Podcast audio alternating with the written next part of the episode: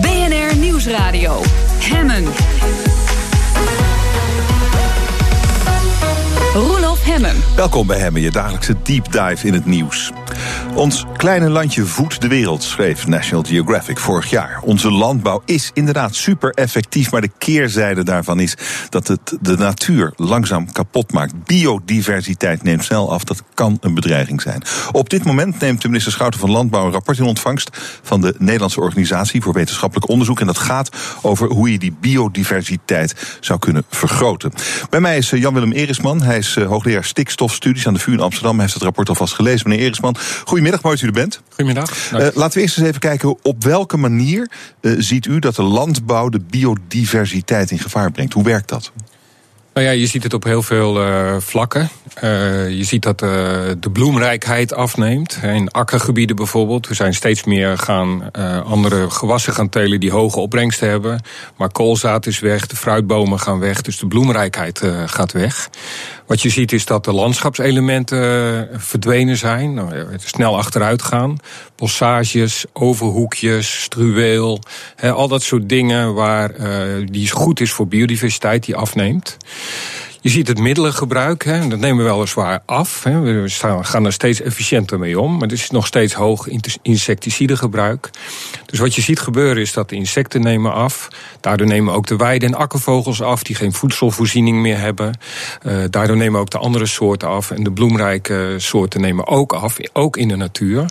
En dat is weer het gevolg van bijvoorbeeld uh, de effecten van stikstof. Dat zich verplaatst van de landbouw naar de natuur. En daar eigenlijk hetzelfde doet. Mest. Ja, en alles. Doet, doet groeien. Ja.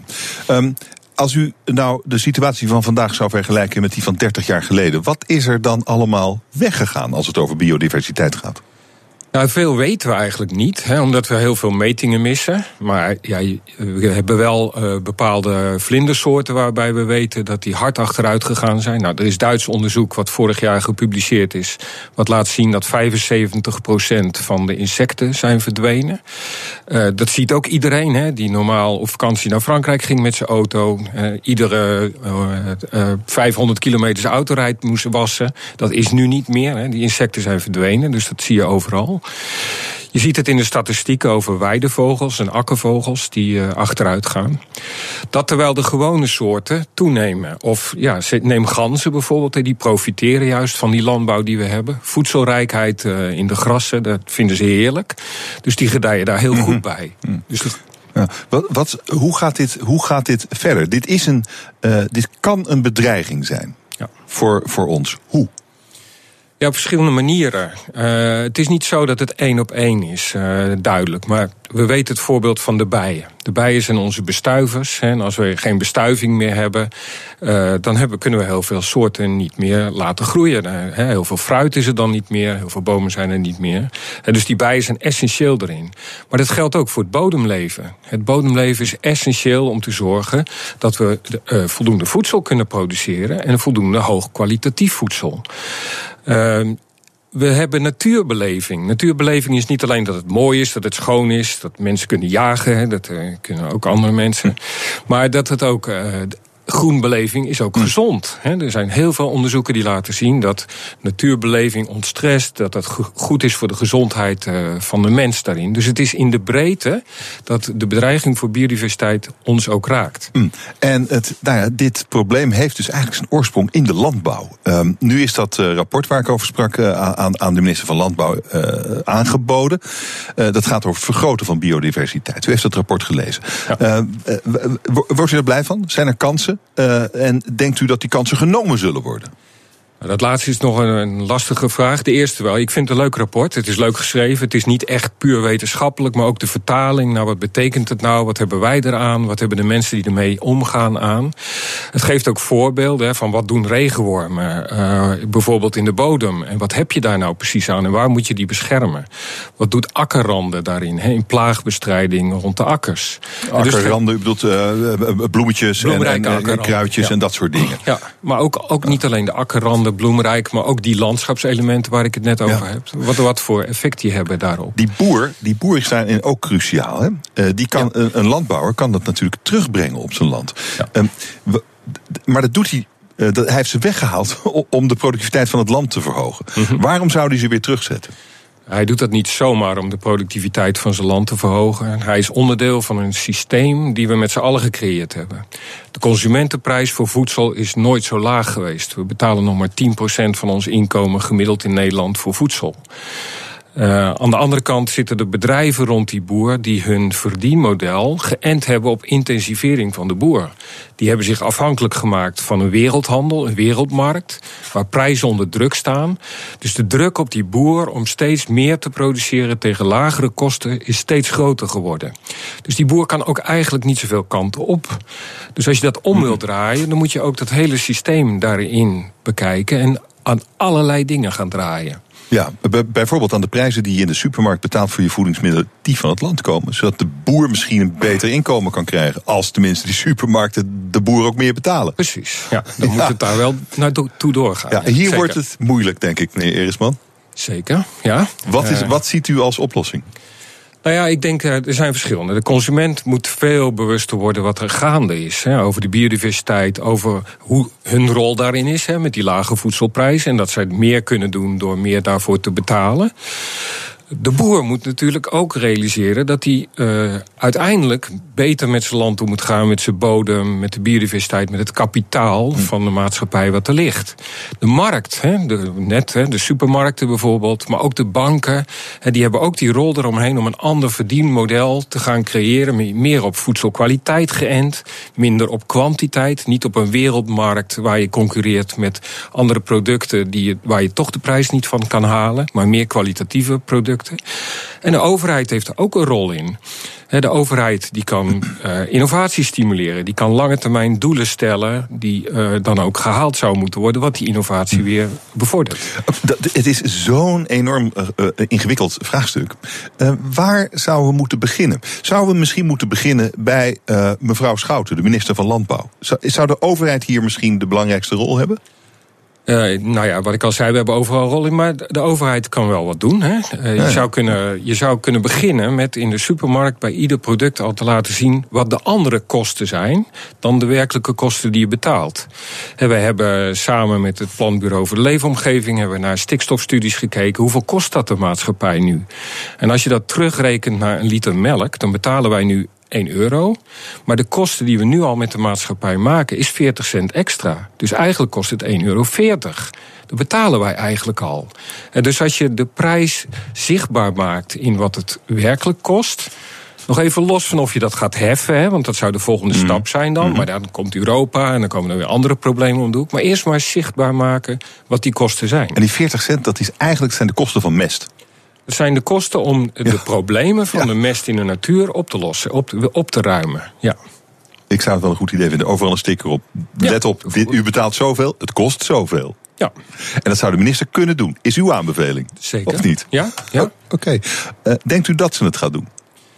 Um, nou, er zijn wel bewegingen. Er, is een, uh, er zijn bedrijven als EOSTA bijvoorbeeld, die met true cost, true pricing bezig is. Dus wat zijn de ware kosten en wat is de ja. ware prijs? Hè? En die zijn heel erg op zoek, ook in overleg met de overheid, om te kijken of dit kan. De moeilijkheid zit er natuurlijk in hoe bereken je nou al die kosten? Hè? Daar is altijd weer een wetenschappelijke vraag ook uh, over. Hè? Hoe kwantificeer je dat dan? Maar er is, wel, er is wel een momentum gaande waarin daar uh, openingen voor zijn. En ik heb goede hoop dat dat gaat gebeuren. Alleen maar als het alleen maar zichtbaar gemaakt wordt. is al een hele stap. Dank u wel voor dit gesprek. Jan-Willem Eresman, hij is hoogleraar stikstofstudies aan de VU. Dank u zeer. En zometeen malaria, de infectieziekte, is al lang niet meer zo'n groot probleem als vroeger. Maar de ziekte dreigt terug te slaan. Zometeen van goed naar beter een epidemioloog die deze week twee onderzoeken publiceerde die de verspreiding van malaria tegen moet gaan. BNR Nieuwsradio. Hemmen. Van goed naar beter. Er gaat heel veel goed in ons land, maar laten we vooral ambitieus blijven. Het kan altijd beter. Vandaag in Van Goed naar Beter de Nederlandse bijdrage aan de strijd tegen malaria. Mijn gast is Teun Bousema, hij is uh, epidemioloog. Epi, gaat het weer verkeerd. Epidemioloog aan het Radboud UMC. Hij doet onderzoek naar het verder voorkomen van de verspreiding van malaria. Van twee van die studies zijn deze week de resultaten gepubliceerd. En uh, meneer Bousema is bij me. Goedemiddag. Goedemiddag. Uh, laten we beginnen bij de constatering dat er eigenlijk al heel veel goed gaat op dit moment. Malaria is al lang niet meer zo'n groot probleem als het was, hè? Dat klopt. In de afgelopen 10, 15 jaar is uh, malaria echt teruggedrongen. Ik denk dat er nu ongeveer de, de helft van de malaria uh, is die er in 2000 was. Dus dat is heel positief. Hoe is dat bereikt? Nou, het is bereikt voor een heel groot deel door, uh, door muggenbestrijding. Er zijn geen grootse uh, innovatieve uh, maatregelen aan te pas gekomen. Muggenbestrijding met bednetten, met het sproeien met insecticiden binnenshuis. En daarnaast ook een goede toegang tot goede malaria-medicatie. Dus dat, dat ging heel goed. Alleen de laatste tijd zijn eigenlijk er wat, wat zorgwekkende uh, constateringen. En de, de, de positieve trend lijkt een beetje voorbij. En er zijn eigenlijk ook wel tekenen dat het misschien wel weer de verkeerde kant uitgaat. Hoe komt dat? Nou, een van de grote. Eigenlijk zijn er twee, twee grote zorgen. Eentje is dat muggen resistent raken tegen de insecticiden. Dus de insecticiden die je op klamboes uh, spuit en die je ook uh, binnenshuis gebruikt. En daarnaast en dat eh, baart mijzelf misschien nog wel meer zorgen, zijn er nu echt heel sterke uh, aanwijzingen, of is er heel sterk bewijs dat uh, malaria-parasieten in Zuidoost-Azië echt resistent uh, beginnen te worden tegen de bestaande malaria-medicatie. Dus wat er, wat er dus nodig is, zijn nieuwe insecticiden en eigenlijk nieuwe middelen. Zijn die er? Dat klopt. Dat klopt. Er zijn, er zijn wel een aantal nieuwe middelen, zowel uh, nieuwe insecticiden als uh, nieuwe malaria-medicatie. Alleen het is uh, daarbij wel echt de vraag: zijn we op tijd of zijn we, zijn we te laat? En de, de laatste paar jaren zie je echt in, in Vietnam, in Cambodja, in Thailand, zie je dat parasieten niet alleen maar een beetje minder goed reageren op medicijnen, maar dat echt 30, 40 procent van de malaria-patiënten echt niet meer genezen na hun standaard behandeling. En dat is iets waar je echt heel veel zorgen over kunt hebben. En dat is nu uh, in een, uh, het geval in een beperkt aantal landen in Azië. De, de resistentie groeit en ook het verspreidingsgebied uh, groeit. Maar voorlopig zit het nog niet in het hartland van malaria, Afrika. Maar de angst is wel heel wel aanwezig dat het misschien via India zich toch spoedig zal gaan verspreiden richting Afrika. En dan hebben we echt een, een grote uitdaging. En dan zou je best kunnen zien dat die positieve trend van de afgelopen 10, 15 jaar, dat die ten einde komt en dat die misschien ook wel ombuigt naar weer een negatieve trend. Ja, ja want, want er zit, uh, er zit een, een, enorme besmettelijkheid in malaria, hè, waardoor uh, de, de, de verspreiding exponentieel uh, snel zal gaan. Hè? Ja, dat is bij, bij alle infectieziekten is het behandelen van een, van een patiënt is ook bijdragen aan bescherming voor anderen. Dus iemand met griep, ik, ik, ik, word net, uh, ik ben net zelf herstellende van griep. Maar iemand met griep uh, besmet gemiddeld twee, drie andere personen voordat je genezen bent of overlijdt. Uh, mazelen is super besmettelijk. Misschien wel 16 mensen raken besmet door één mazelengeval. En bij malaria hangt het erg af van het gebied waar je woont. Maar in veel delen van Afrika is het zo dat één persoon met malaria wel honderd nieuwe gevallen van malaria kan geven. Dus die, die besmettelijkheid van malaria is echt fenomenaal. Ja, en je kunt er ook gewoon dood aan gaan. Ja, er gaan nog steeds ja. uh, een half miljoen mensen per jaar aan dood. Um, nou, ik noemde het al uh, aan het begin van ons gesprek. Uh, twee belangrijke onderzoeken door u gepubliceerd deze week. Laat, laten we ze even bekijken. Wat, wat heeft u gevonden? Uh, met mijn uh, team heb ik uh, inderdaad deze week toevallig twee stukken die zich allebei bezighouden met hoe kun je nou zorgen dat mensen niet meer muggen, muggen besmetten, dat de verspreiding van malaria stopt. En het eerste onderzoek ging over de bestaande behandeling. De bestaande behandeling, zelfs als we even die resistentie buiten oogschouw nemen, buiten oogschouw laten, dan is het nog zo dat de bestaande medicatie een beperking heeft, namelijk zelfs na uh, uitstekende behandeling. En nadat je genezen bent verklaren, kun je nog een aantal weken muggen besmetten. En uh, dat is al langer bekend. Wat wij nu uh, getest hebben in Mali is of je bestaande medicatie kunt verbeteren door er speciaal middelen aan toe te voegen die iets doen tegen de verspreidingsvorm van de malaria-parasiet. En een van de stoffen die we hebben getest is uh, methyleenblauw. En dat had een, uh, een fenomenaal effect. Dat was niet helemaal onverwacht, want methyleenblauw wordt eigenlijk al langer bekeken, ook in het kader van malaria. Maar wij vonden dat mensen die de standaard malaria-behandeling hebben gekregen en daarbij ook een beetje methyleenblauw, dat die binnen 48 uur totaal niet meer in staat waren om muggen te besmetten. Hm. En wat is, wat is dat precies, methyleenblauw? Blauw? Een kleurstof? Het is een kleurstof. Het is een kleurstof die ook best veel gebruikt wordt. Ook in laboratoriumsettings, maar ook in ziekenhuissettings. Je kunt het ook gebruiken tegen. Uh, uh, tegen urineweginfectie en het wordt ook wel gebruikt bij intoxicaties. Um, maar het is een kleurstof. Wij hebben het toegediend als, als kleine tabletjes. Um, je urine wordt er blauw van. Dat heb ik zelf ook ervaren. Oh, dat, is dat, is wel een. Dat is op zich vrij typisch. We hebben de mensen daar verteld. nou, het, is echt, het is echt fenomenaal blauw. Het is zelfs als je erop op voorbereidt, dan denk je nog even van goh, zo ziet blauwe urine eruit. Maar het is een stof die, um, dat, uh, die juist de, de, de mannelijke geslachtscellen van de malaria-parasiet heel snel doodt. En sneller dan we bij andere stoffen ooit gezien hebben. Dus dat was eigenlijk de eerste bevinding van, dit, uh, van deze week. Of natuurlijk hebben we er veel langer aan gewerkt. Nou ja, maar dat, dat is dus super. Dus dan, dan zou je dat meteen moeten gaan gebruiken. Gebeurt dat? Nou, blauw gebeurt niet. We hebben een ander middel hebben we ook getest, primakine. Dat is een compleet ander middel, maar heeft eenzelfde soort werking.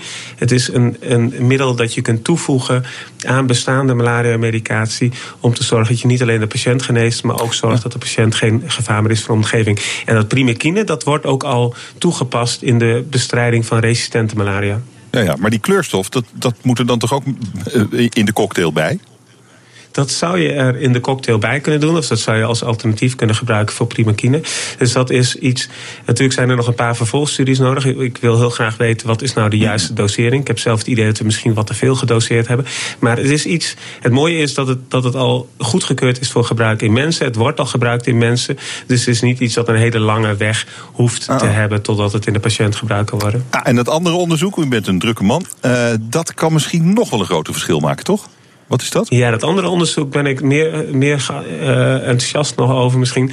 En uiteraard is het uh, het werk van mijn team in Nijmegen en ook in Londen. Maar het andere onderzoek richt zich op uh, het mogelijk ontwikkelen van een vaccin dat voorkomt dat je muggen besmet. Dus dat is een vrij apart vaccin, maar. Uh, uh, in Nijmegen en Leiden uh, werken we al langer aan een vaccin dat, uh, dat muggen, dat kan voorkomen dat mensen muggen besmetten. Wat wij nu hebben gedaan, en dat is het artikel van deze week, is dat wij gekeken hebben hoeveel mensen zijn eigenlijk na natuurlijke malaria blootstelling in staat om een afweerreactie te krijgen die voorkomt dat zij muggen kunnen besmetten. En dat hebben we bij Nederlandse missionarissen onder andere bekeken. Hebben ook bij mensen uit verschillende Afrikaanse gebieden. En we hebben gekeken, kunnen zij muggen, uh, kunnen ze voorkomen dat muggen besmet raken? Zowel tijdens een natuurlijke infectie als met gekweekte parasieten uit Nijmegen. En we hebben ook gekeken tegen welke parasieteiwitten uh, reageren deze mensen nu. En we hebben nu een, een lijst van 45 eiwitten uh, die allemaal een rol lijken te spelen bij deze ja, zeer verrassende vorm van immuniteit. Ja, maar dat is waanzinnig. Want als je ervoor zorgt dat iedereen uh, dat eiwit krijgt toegediend, dan is over een tijdje malaria gewoon de wereld uit. Ja, dat is, uh, dat is optimistisch gedacht. Maar nou, dat, is, dat is wel, het is optimistisch gedacht, maar je mag ook optimistisch zijn. Het is wel het doel van, dit, van zo'n soort vaccin. Dit zal echt een vaccin zijn dat zich niet richt op het beschermen van het individu, maar echt op eliminatie. Eliminatie van malaria of eliminatie van specifiek resistente malaria. En wat is er nodig om dat zo ver uit te rollen dat dat, dat doel bereikt wordt? Nou, we hebben nu een lijst van eiwitten. Twee eiwitten hadden we eigenlijk ook al op de korrel. Daar, daar hebben collega's van mij in Nijmegen al heel lang aan gewerkt. En ook in Leiden, in Nijmegen, of in Nederland hebben we een prachtige malaria-vaccin-historie uh, en kwaliteit. Met uh, hele goede groep, groepen in Rijswijk, Leiden en Nijmegen. En we hebben dus ook al uh, redelijk wat know-how en redelijk wat ervaring met dit soort vaccinonderzoek.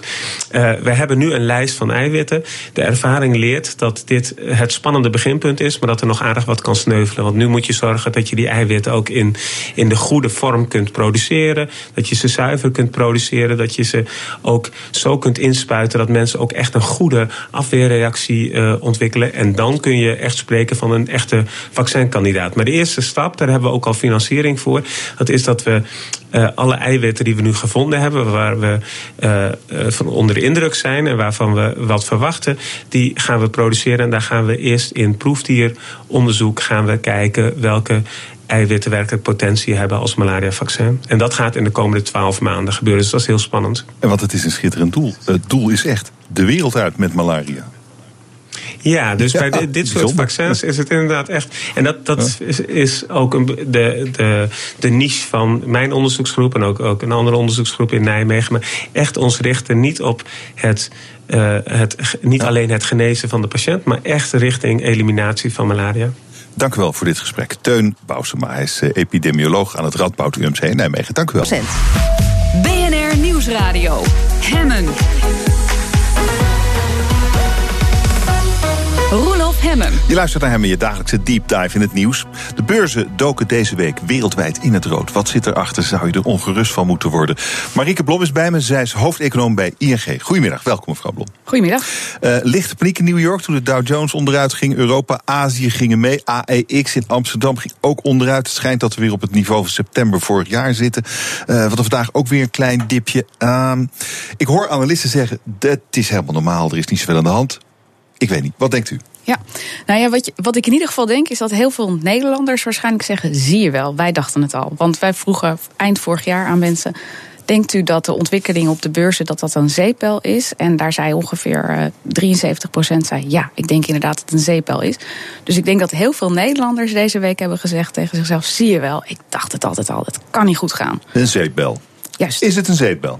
Ja, nou goed, die beurzen, hè, dat zijn wat dat betreft uh, een zeepbel of niet een zeepbel, dat is al bijna onmogelijke definitie. Wat is nou de onderliggende waarde van al die stukken die op zo'n beurs worden verhandeld? Wat de meeste mensen die die beurs heel nauwkeurig volgen, zeggen is van, nou ja goed, het, is, het hoort er eigenlijk gewoon bij. En wat er hiervoor gebeurde was inderdaad wel een beetje raar. Dus dat Nederlanders dat gevoel hadden, was ook niet zo gek. Want er, er gebeurde, was heel weinig volatiliteit, zoals dat dan genoemd werd. Dus die beurzen bewogen maar één kant op. En normaal gesproken bewegen beurzen omhoog en omlaag. En dat beginnen ze nu mhm. eindelijk weer te doen. Dus ik zag vandaag iemand die zei van, nou ja, het, het water is nog steeds nat. Beurzen doen nog steeds wat ze altijd hoorden te doen, namelijk volatiel zijn. Ja. En de vraag is vervolgens, en, en dat is ook wat wij aan, aan mensen gevraagd hebben, hoe denk je dan over de Nederlandse economie? En ook de helft van de mensen denkt dat dat ook een zeepel is. Maar dat is eigenlijk iets heel anders. Ja, want, ja beurzen en de reële economie moet je echt uit elkaar houden. Precies. Want in de reële economie gaat het natuurlijk nog steeds hartstikke goed, of niet? Precies. Nou, de Nederlandse economie beweegt in een behoorlijk tempo de goede kant op. Dat is eigenlijk wat je ziet. En wij vonden het interessant om te zien dat zoveel Nederlanders, dus ongeveer de helft, zeggen ook die reële economie, dat lijkt wel gebaseerd op een zeepel. Terwijl wij daar eigenlijk heel anders tegenaan kijken. Maar hoe komen al die mensen daar dan bij? Ja, nou ja, goed, dat is natuurlijk. Eh, dan moet ik gaan psychologiseren. Nou, en dan ga ik, ja, nou goed, ik ga een poging doen. Kijk, ik denk dat je, uh, zeg maar, wat er in het recente verleden gebeurt, dat ankert zich heel erg in ons brein. En op basis daarvan vormen we ook onze verwachtingen voor de toekomst. Dus we hebben in de afgelopen jaren gezien dat een economie eigenlijk heel snel in elkaar kan knallen. En we verwachten dat dat ook heel snel weer, weer kan gebeuren. We hebben bijvoorbeeld ook gevraagd van als er weer crisis komt, wordt die dan erger, even erg of minder erg dan de vorige crisis? En nou, zo'n twee derde van de mensen zegt dat wordt even erg of erger dan de vorige crisis. Terwijl je als econoom uitzoomt en op een hele lange periode kijkt, dan zie je dat de crisis die we net gehad, hebben heel ongebruikelijk is geweest. Maar voor mensen is dat wat ze normaal zijn gaan vinden. Dus die denken als het weer crisis wordt, dan gaan we weer echt procentpunten van ons BBP verliezen. En dan gaan er weer heel veel mensen op straat komen te staan. Terwijl wij denken dat wat er in de afgelopen jaren gebeurde, nogmaals echt wel heel ongebruikelijk was. En de kans niet zo groot is dat het zich in die omvang voor de reële economie herhaalt. Ja, maar ja, dat weten economen natuurlijk ook niet. Nee, we hebben geen. Nee, nee tuurlijk. In, hè, zeg maar, laat ik daar ook duidelijk over zijn. Hè. Ik heb geen glazen bol. Dit zijn typisch van de gesprekken waar ik uh, over twee of drie jaar aan herinnerd word. En dat u dan tegen mij zegt: Nou, weet u nog, mevrouw Blom, dat u daar zo positief over was.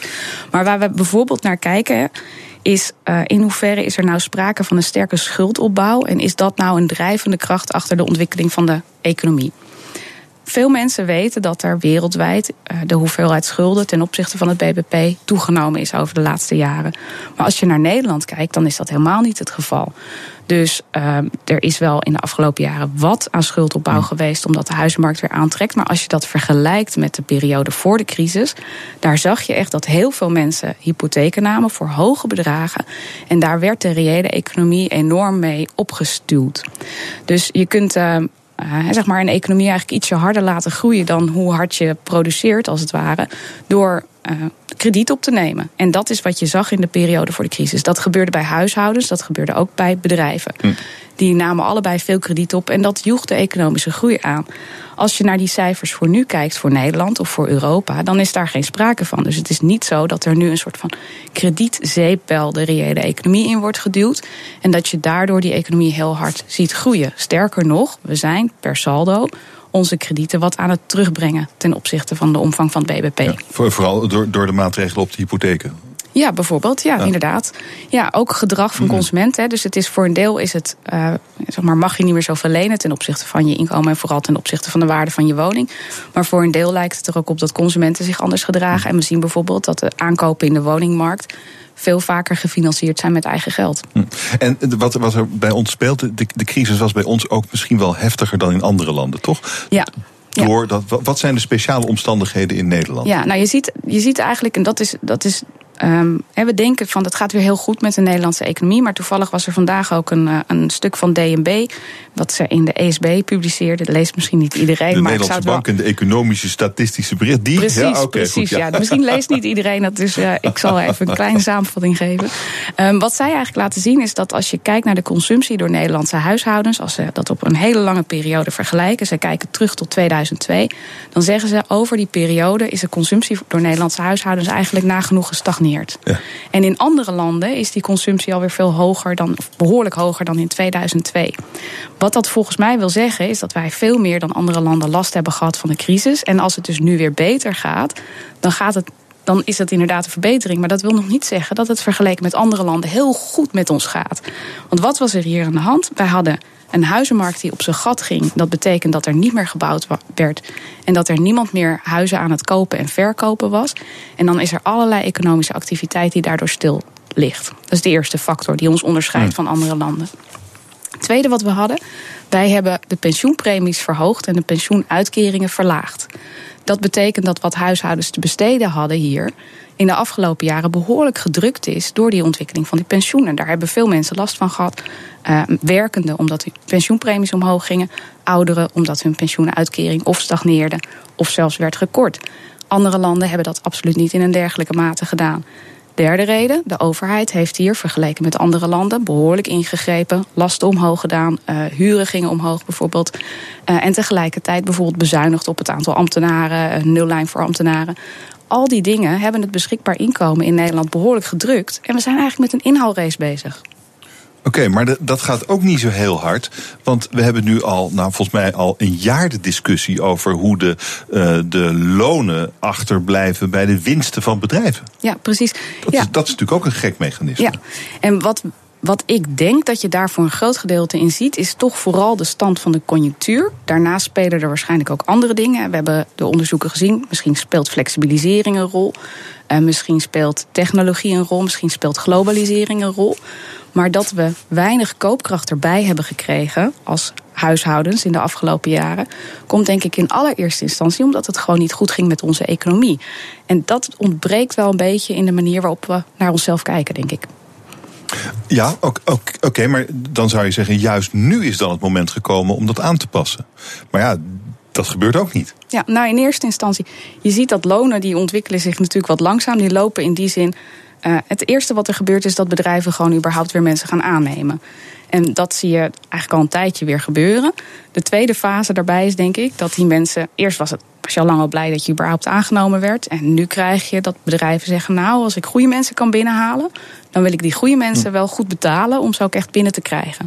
En wat je waarschijnlijk ook gaat zien dit jaar, is dat goede werknemers die zien van hé, hey, er belt alweer iemand of ik bij een ander bedrijf kom werken, dat die tegen hun baas zeggen van zeg, wordt het niet eens tijd voor loonverhoging? Want uh, de headhunters uh, kloppen bij wijze van spreken weer op de deur. Maar de cao's, ja, die liggen vast voor dit jaar. En die lopen wat dat betreft een beetje achter, want die prijsontwikkeling was heel gematigd. Mm -hmm. Dus pas in de komende jaren zul je zien dat ook die cao-lonen omhoog gaan. Dus ik zeg altijd tegen werkgevers: het is nu nog niet. Dat is ook best begrijpelijk gezien de stand van de conjunctuur. Maar dat gaat de komende jaren gaat die loondruk wel komen. En is dat dan uh, goed of slecht voor onze economie? Uiteindelijk is het, een, is het een reflectie van dat het beter gaat. En dus is het een goed teken. Ja, maar het eilt een beetje na. Precies. Dus, uh, en het is uh, moeilijk terug te draaien. Dus als we dan weer in die volgende dip glijden, want die zal ongetwijfeld een keer komen, dan zitten we natuurlijk wel met hogere salarissen en uh, dus lagere winst. En is dat niet ook een economische merkwaardige tegenstelling dan? Mm, het is wel leuk wat u zegt. Dat is een van de dingen die ik ook van ondernemers hoor. Dus die zeggen nu van ja, maar ik durf eigenlijk die lonen nog helemaal niet te verhogen, want dan zul je zien, is het straks weer crisis en dan zit ik vast aan die hoge lonen. Nou, ik denk dat dat He, is een beetje een crisistrauma, denk ik. Van, nou ja, zo groot is de kans niet dat we weer een crisis krijgen van een vergelijkbare omvang. En wat ik dan altijd tegen ondernemers zeg, is van ja, wat, je, wat daarbij hoort, is dat je ook investeert in de productiviteit van je mensen. Want dan, als jij die mensen maar steeds meer kan laten doen en je kan een goede omzet draaien op basis daarvan, dan kun je natuurlijk, dan betaalt het zich gewoon terug. En dat is nou eenmaal hoe een economie groeit. Daar horen hoort een hogere productiviteit bij en uiteindelijk ook een hoger loon. Dus dat is gewoon een spiraal de goede kant op. Oké, maar dat vraagt veel van, van, een, uh, van een bedrijf, van een ondernemer. Uh, want hij moet niet alleen meer geld betalen aan een werknemer. Hij moet er ook voor zorgen dat die werknemer langduriger, duurzamer inzetbaar blijft. Beter opgeleid, noemt het allemaal op. Kost ook geld. Dus die uh, ondernemer. Ja, maar daar gaat de kost voor de baat uit. Ja. He, uiteindelijk zie je natuurlijk op lange termijn dat er een samenhang is tussen hoe productief werknemers zijn per uur en wat zij per uur vergoed krijgen. Dus daar zul je van zien dat, dat uh, nou ja, goed, werkgevers moeten daarin investeren. Maar in eerste instantie hè, is het misschien wel zo dat die werknemers dit jaar al veel productiever zijn. En dat die dit jaar juist een winstgevendheid ziet groeien. En eigenlijk wat je in een economie ziet, is dat dat een soort van continue fluctuatie is. Waarbij dan soms de werkgever vooral er goed bij zit en soms de werknemer weer wat aan het inhalen is. De beurzen zijn natuurlijk de dagkoersen. We hadden het erover. Belangrijker is misschien wat er gaat gebeuren als de rente weer gaat stijgen. Wat dan? Ik praat zo meteen. BNR Nieuwsradio. Hemmen. Mijn gast is Marieke Blom, zij is hoofdeconoom bij ING. En we praten over de gezondheid van onze economie tegen de achtergrond van die uh, beurzen die. Uh, ja, die toch eigenlijk niet zo heel goed doen de laatste, laatste dagen. Uh, en mevrouw Blom, daar ben ik zelf toevallig net na een hele lange tijd van afwezigheid in de wereld van beleggingen weer een beetje in aan het stappen. Potverdik, wat zie ik gebeuren? Alles gaat naar beneden. Ja, ja u, u, u kijkt me bijna, enige, u kijkt me bijna aan alsof ik het gedaan heb. Nou ja, kijk, als mensen dit aan mij vragen... en een paar weken geleden vroegen veel mensen mij... van zal ik nu eens gaan ja, instappen? Ja. En dan zeg ik altijd tegen mensen... dan ga je dus niet in één keer met al je geld op dat moment instappen. Nee. Dat is niet hoe je het doet. Nee. Hoe je het doet met beleggen... is dat je zegt, oké, okay, dit is het potje wat ik erin wil stoppen... en ik neem mezelf eens voor dat ik dat in de komende, komende jaar... of in het komende twee jaar, ga ik dat dan in beleggingen stoppen. En niet in één keer, want dan ben je super gevoelig... voor wat we de afgelopen weken hebben gezien... op zo'n plotselinge koersdaling. Ja. Maar ja, dan zeggen mensen ook, ja, als ik iets wil, dan wil ik het nu. En dan kijk ik ze wel een beetje streng aan... maar dan luisteren ze niet altijd naar me. Mm -mm. Uh, nou ja, ik, ik geloof dat ik wel voorzichtig doe. Je moet natuurlijk over de hele wereld beleggen. En Precies. niet alleen... Dat je moet, Precies, verschillende soorten. Nou ja, niet al je eitjes in één mandje. Ja, ja heel goed, meneer uh, Hemmen. Ja, goed. Ik heb er iets van geleerd. Uh, we hadden het over de, de beurskoersen. De, de, de, de, dat zijn de dagkoersen. we hebben het ook vaak over de rente. Ja. Uh, de rente is krankzinnig laag over de hele wereld, procent of nul. En uh, als dat nou eens omhoog gaat, ja. wat misschien wel gaat gebeuren, Ja. denkt u dat het gaat gebeuren? Nou, de kans is redelijk Uh, aanwezig. wanneer zou het gaan Ja. gebeuren? Dat is eigenlijk de, de timing is belangrijker. Hè? Nou, de timing is belangrijk, maar het is, zeg maar, kijk, als econoom kijk ik als eerste naar de reële rente. En dat, dat is een vaag begrip, maar ik ga het even uitleggen. De reële rente is het verschil tussen de nominale rente, wat u op uw spaarrekening krijgt of wat, iemand, wat een bedrijf moet betalen, en de ontwikkeling van de prijzen. Want dat is natuurlijk uiteindelijk een jaar later moet je terugbetalen tegen de dan geldende prijzen, tegen je dan geldende inkomen enzovoort. Het zou wel eens zo kunnen zijn dat die stijging van de rente, als je kijkt naar de reële rente, reuze meevalt. Vervolgens, die reële rente, die bepaalt natuurlijk hoe goedkoop het is voor bedrijven om zich te financieren. En als dat goedkoop is, dus als die reële rente laag is, dan is dat een zetje mee voor de economie. Dat is fijn. Tegelijkertijd hebben natuurlijk in de afgelopen jaren, zeker in Europa, allerlei mensen zich afgevraagd van ja, maar waarom zijn die bedrijven nou niet veel harder aan het investeren? Nou, de meeste economen zeggen daarover. Die rente is een heel klein zetje voor de financieringskosten. Maar de belangrijkste reden waarom ondernemers wel of niet investeren, is natuurlijk het economische klimaat en of zij er vertrouwen in hebben. En wat je nu ziet is dat die rente stijgt eigenlijk in reactie op een verbeterend economisch klimaat. In reactie op het feit dat de lonen weer gaan stijgen.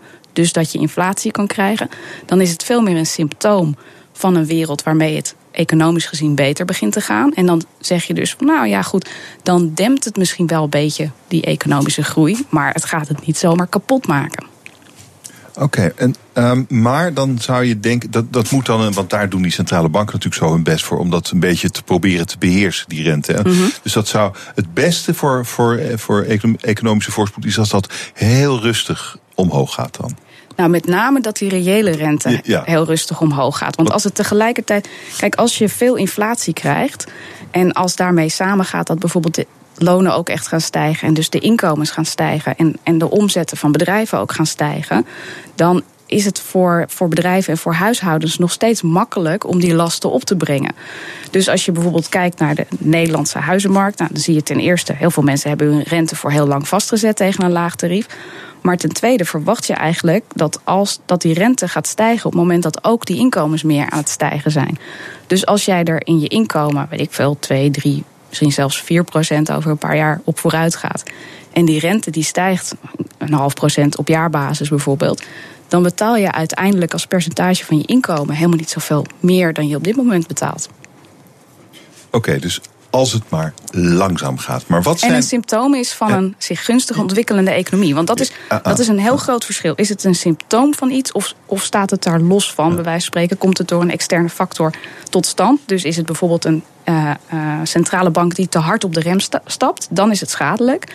Maar is het meer een symptoom, een gevolg, en dat lijkt het nu meer te zijn, dan zou dat wel mee kunnen. Dan, dan is het goed. En, maar het is natuurlijk ook als de, uh, er, u noemt al, externe factoren. We weten niet wat er aan zit te komen. We weten niet wat er met de wereld gebeurt. We weten niet wat Trump en Kim Jong-un allemaal uh, ons, ons gaan brengen. En dat zijn natuurlijk ook grote economische bedreigingen. Tuurlijk, maar, maar kijk, wat het ingewikkelde is met die geopolitieke bedreigingen, hè, zeg maar als het echt gaat over oorlogstaal, daar kun je in economische termen gewoon bijna niet tegen beschermen. Dus het is natuurlijk ja, goed, je kunt ervoor kiezen hoor, om, om je beleggingsstrategie of je, of je investeringsstrategie daarop te baseren. Maar ik zou heel eerlijk gezegd denken: hmm. van ja, ga er maar.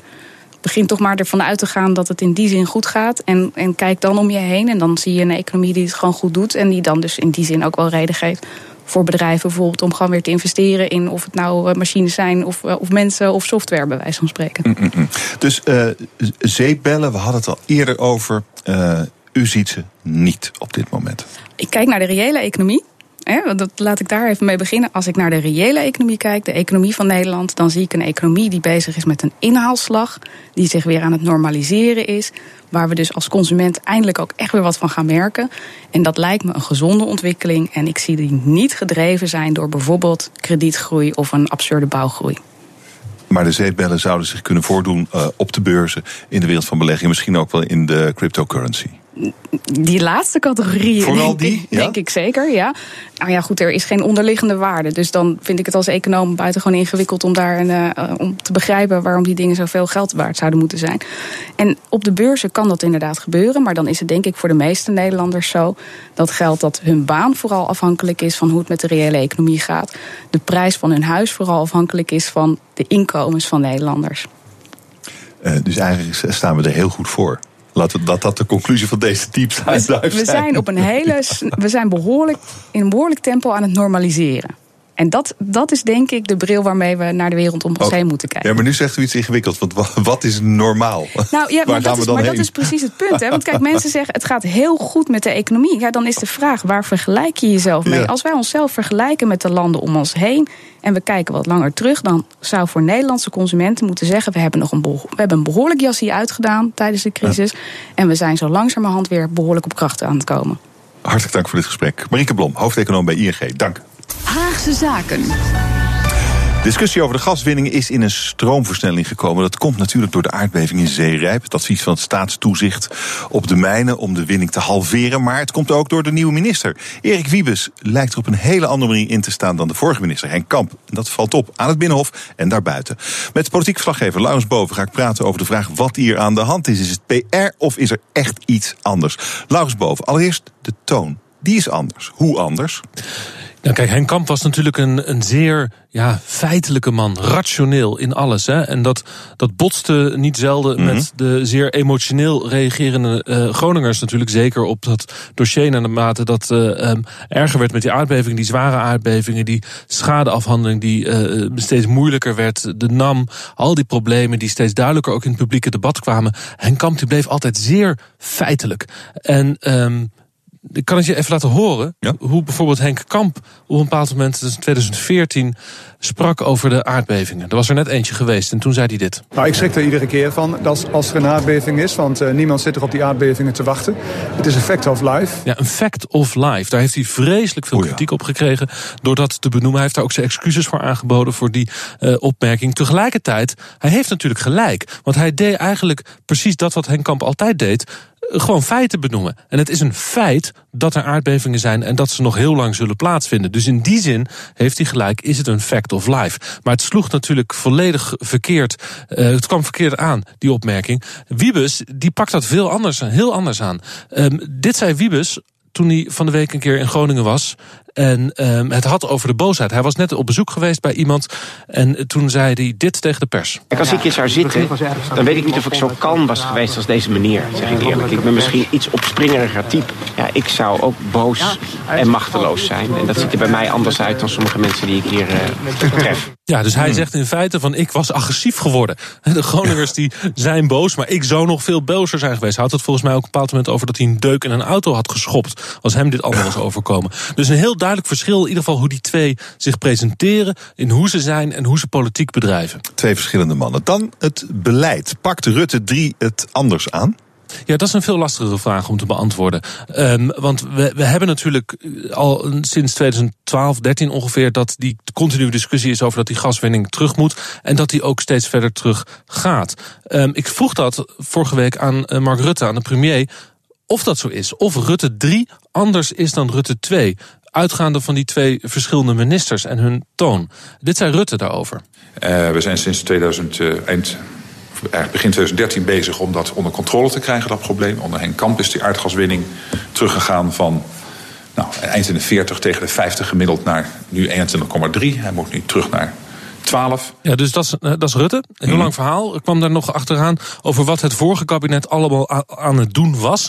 En wat het nieuwe kabinet eigenlijk voortzet. Dus Rutte die wil dat niet. Rutte die wil het niet laten lijken dat er een eh, keertwende in het beleid zit. maar die ziet eigenlijk een continuïteit. Het zou ook heel lastig zijn voor hem om toe te geven dat er een keertwende is. Want hij was toen immers ook de premier. En dan zou hij in feite zeggen dat hij zijn vorige kabinet verkeerd geleid heeft. Dus aan Rutte zelf heb je eigenlijk weinig om die vraag te beantwoorden. Maar we hebben wel iets aan jou. Is dat echt zo? Gisteren was er een gastdebat. En daar gebeurde er iets uh, bijzonders. En dat heeft te maken met um, de leveringszekerheid. He, je hebt al jaren is dat een begrip. Je hebt twee begrippen eigenlijk. De veiligheid voor de Groningers en de tweede is de leveringszekerheid. He, dat is de vraag naar gas. Hoeveel gas is er nodig? En de leveringszekerheid was voor Henk Kamp altijd heel erg belangrijk. Omdat um, als je minder wint dan de, dan de vraag naar gas is... Ja, dat betekent dat, dat mensen in koude winters geen gas hebben. En dat je dus um, een koud huis hebt. En dat noemde Henk Kamp ook altijd gevaarlijk want dan, je zal maar net kleine kinderen hebben en het vriest buiten en je kan je verwarming niet aanzetten. Op zich een valide argument natuurlijk. Maar er is iets aan de hand met dat begrip leveringszekerheid. Dat wordt vastgesteld door de Gasunie en, en GTS. Uh, dus dat zijn zeg maar de, de bedrijven die dat gas ook leveren. En eh, bij de linkse oppositie in de Tweede Kamer wordt dat begrip niet meer vertrouwd. Henk Nijboer heeft het ook gezegd. Die zegt van dat moeten we onafhankelijk vast gaan stellen. Nou, nu was er een debat gisteren. En op een bepaald moment vroeg uh, Lisbeth van Tongeren dat aan Wiebes. Hoe zit dat nou met die leveringszekerheid? En moeten we dat niet anders gaan meten? Dit zei ze. En de dus is de minister bereid om of he, GTS, maar dan met de cijfers op tafel, onafhankelijk te laten valideren. Of dat een keer onafhankelijk uit te zetten, bijvoorbeeld bij TNO. Dat is niet niks hier wat ze zegt. Een onafhankelijke toets van of de cijfers van de gasunie, dus over de mhm. leveringszekerheid, of die wel kloppen. Moet je bedenken dat die cijfers, daar baseren we al heel lang ons beleid op. Hè? Kloppen die cijfers wel? Moeten we dat onafhankelijk gaan toetsen? Dit zegt Erik Wibbes. De minister. Jazeker. Um, we moeten gewoon weten hoe het zit. Uh, en dat moet op een geloofwaardige manier worden gemodelleerd. Hij zegt dus ja. Hij zegt ja op de vraag van Van Tongeren... moeten we onafhankelijk gaan controleren... of die cijfers van de gasunie wel kloppen. Um, er komt een brief aan van hem in de loop van uh, maart, waarin hij heel veel dingen gaat zeggen over de gaswinning. En uh, de, de, het ministerie, ik heb hier nog over gesproken met de woordvoerders van, van Wiebes, van wat zegt hij hier nou eigenlijk? En zij zeggen van, nou ja, goed, er zijn gewoon heel veel cijfers en we gaan al die cijfers een beetje bij elkaar vegen en dan gaan we kijken wat er precies aan de hand is. Maar uh, feit is dat hij op de vraag van Van Tongeren die vraag naar onafhankelijke controle ja zegt. Jazeker. Nou, en dat geeft voor mij wel aan dat het lijkt dat er echt wel iets aan het veranderen is in het beleid. Want bij Henk Kamp gebeurde dit niet. Bij Henk Kamp waren de leveringszekerheid, die wilde daar eigenlijk nooit echt aan tornen, um, aan die cijfers zelf. Alhoewel er, um, en dat, dat is een beetje de achtergrond, die leveringszekerheid die moet omlaag om de, de gaswinning echt omlaag te kunnen krijgen. En het is natuurlijk heel gek dat hij daadwerkelijk omlaag gaat in de afgelopen jaren. Hij was eerst boven de 40 en hij staat nu op 20. En dat is toch gek. Dus er zijn echt met reden vragen over dat, dat cijfer. En er komt kennelijk een onafhankelijke toets op die cijfers. En dat is toch echt wel uh, nieuws. Laurens Boven in Den Haag, dankjewel. BNR Nieuwsradio. Hemmen. Hemmen. Onze ambassadeurs zijn deze week even thuis in Den Haag... om kennis te maken met hun nieuwe politieke bazen. Halbe, Halbe Zijlstra, Sigrid Kaag als ministers. Deze diplomaten zijn onze mannen en vrouwen in de vreemde. Ze behartigen onze belangen. Hoe doen ze dat? Hoe effectief zijn ze? Deze week spreek ik de Big Five van de diplomatie. Elke dag een topper. En vandaag is dat Pieter Feit. Hij was lange tijd de crisisdiplomaat voor de NAVO en de Europese Unie. Hij deed zijn werk in Servië, Macedonië, Kosovo en ook in Atje onderhandelen over vrede onder druk van grof geweld en onder grote dreiging. Meneer Feit, welkom. Goedemiddag, mooi dat u er bent. Goedemiddag, meneer Hemmer. Uh, wat trekt u naar het slagveld? Ja, avontuur natuurlijk, maar eigenlijk ook een beetje een roeping om bij te dragen aan een betere wereld en om conflicten te kunnen uh, helpen vermijden. Uh, menselijk lijden, de instabiliteit rondom ons heen.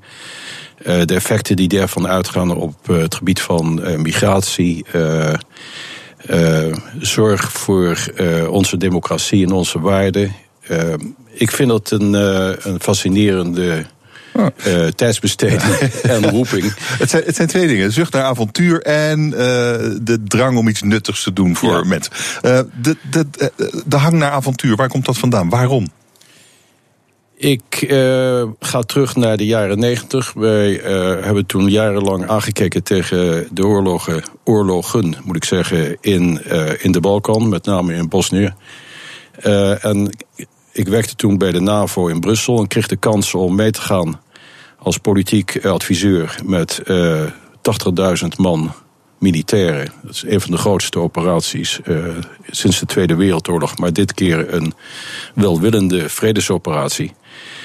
Um, en om daar ter plaatse uh, met, uh, met de militairen, met de lokale leiders te proberen om uh, het vredesakkoord van Dayton uitvoering te geven en om de situatie te stabiliseren en op den duur Bosnië en de andere landen van de regio een kans te geven om zich aan te sluiten bij de Europese Unie. En dat was een ervaring die mij heeft gegrepen. Ik heb toen de kans gekregen om uh, met de toenmalige secretaris-generaal van de NAVO, Javier Solana, mee te gaan naar de Europese Unie. Hij werd toen benoemd als hoogvertegenwoordiger van de Europese Unie voor buitenland en veiligheid. Hm. En uh, daar zijn we begonnen om uh, de instellingen van de Europese Unie op te zetten voor, voor crisisbeheer, voor vredesoperaties. Uh, ook voor defensie, uh, voor verdediging van ons, uh, van ons grondgebied. En zodoende ben ik een beetje buiten het ministerie van Buitenlandse Zaken geraakt. En meer ja. bij de internationale organisaties. Ja, het is niet helemaal wat je je voorstelt bij een diplomaat natuurlijk. Iemand op het slagveld. Want dan is, dan is het eigenlijk al misgegaan in de diplomatie. Nou ja, het slagveld is een beetje een belangrijk... Nou ja, in een conflictzone, mag ik het zo noemen? Laten we, noemen, laten we het een conflictzone noemen. Ik, uh, ik kan niet pretenderen dat ik uh, vaak onder vuur heb gelegen, maar... Uh, vaak onder, niet vaak onder vuur. wat, was, maar, wat, wat, wat heeft u wat dat betreft meegemaakt aan oorlogshandeling? Wat was het, het moment dat u nooit meer zult vergeten, omdat het zo eng was? Nou, eigenlijk uh, heb ik zulke momenten niet meegemaakt. Ik moet altijd denken aan, uh, aan Hillary Clinton, die later uh, beweerde dat ze onder vuur had gelegen toen ze in Bosnië, in Tuzla, op de luchtmachtbasis met, met haar man was om de Amerikaanse troepen te bezoeken. Maar toen was het eigenlijk al 1996 en was, werd er niet meer geschoten. Dus het was een, verspreking, of, of misschien een, een illusie die ze had. Uh, maar uh, je, maakt wel kennis met, met gewapende strijders uh, die die er niet voor terugdeinzen om naar de wapens te grijpen. Er zijn altijd incidenten en, en, Mhm. ongelukken. Dus ver ben je, ben er niet vanaf. Het, het, ik denk dat het meest riskante eigenlijk was wat we deden in Macedonië toen, uh, toen wij probeerden om de, de etnisch Albanese opstandelingen terug te leiden, weg van de hoofdstad. Uh, en ze als, als, als, als tegenprestatie politieke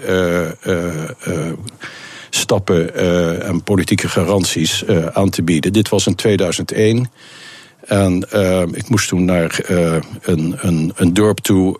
En dat, dat was inderdaad vrij riskant. Want je zag dat de tanks daar nog allemaal op gericht waren. En ehm, de Macedonische militairen waren niet helemaal te vertrouwen of ze niet toch nog de trekker zouden overhalen. Dus ik was blij dat het allemaal goed afliep. Maar dat is um, dan. dan u bedenkt daar dan eigenlijk een diplomatieke oplossing terwijl er nog geschoten wordt. En dan moet je meteen op dat moment ook die diplomatieke oplossing, dus hoe krijgen we die Albanese weg uh, van, het, uh, van de strijd, die moet je dan ook meteen gaan implementeren. Terwijl het eigenlijk nog bloedlink is. Ja. Dat, dat, is, dat is het, het vak van de crisisdiplomaat, toch? Dat is het. Dat is het. Het zijn eigenlijk uh, drie, drie punten, hmm. drie stappen. Het, e het eerste is het winnen van vertrouwen bij de partijen. Uh, ze moeten, ze moeten uh, de overtuiging hebben gekregen dat je inderdaad kunt waarmaken wat je ze belooft. Uh, ze moeten bereid zijn om bijvoorbeeld de wapens neer te leggen in ruil voor concessies van de andere kant.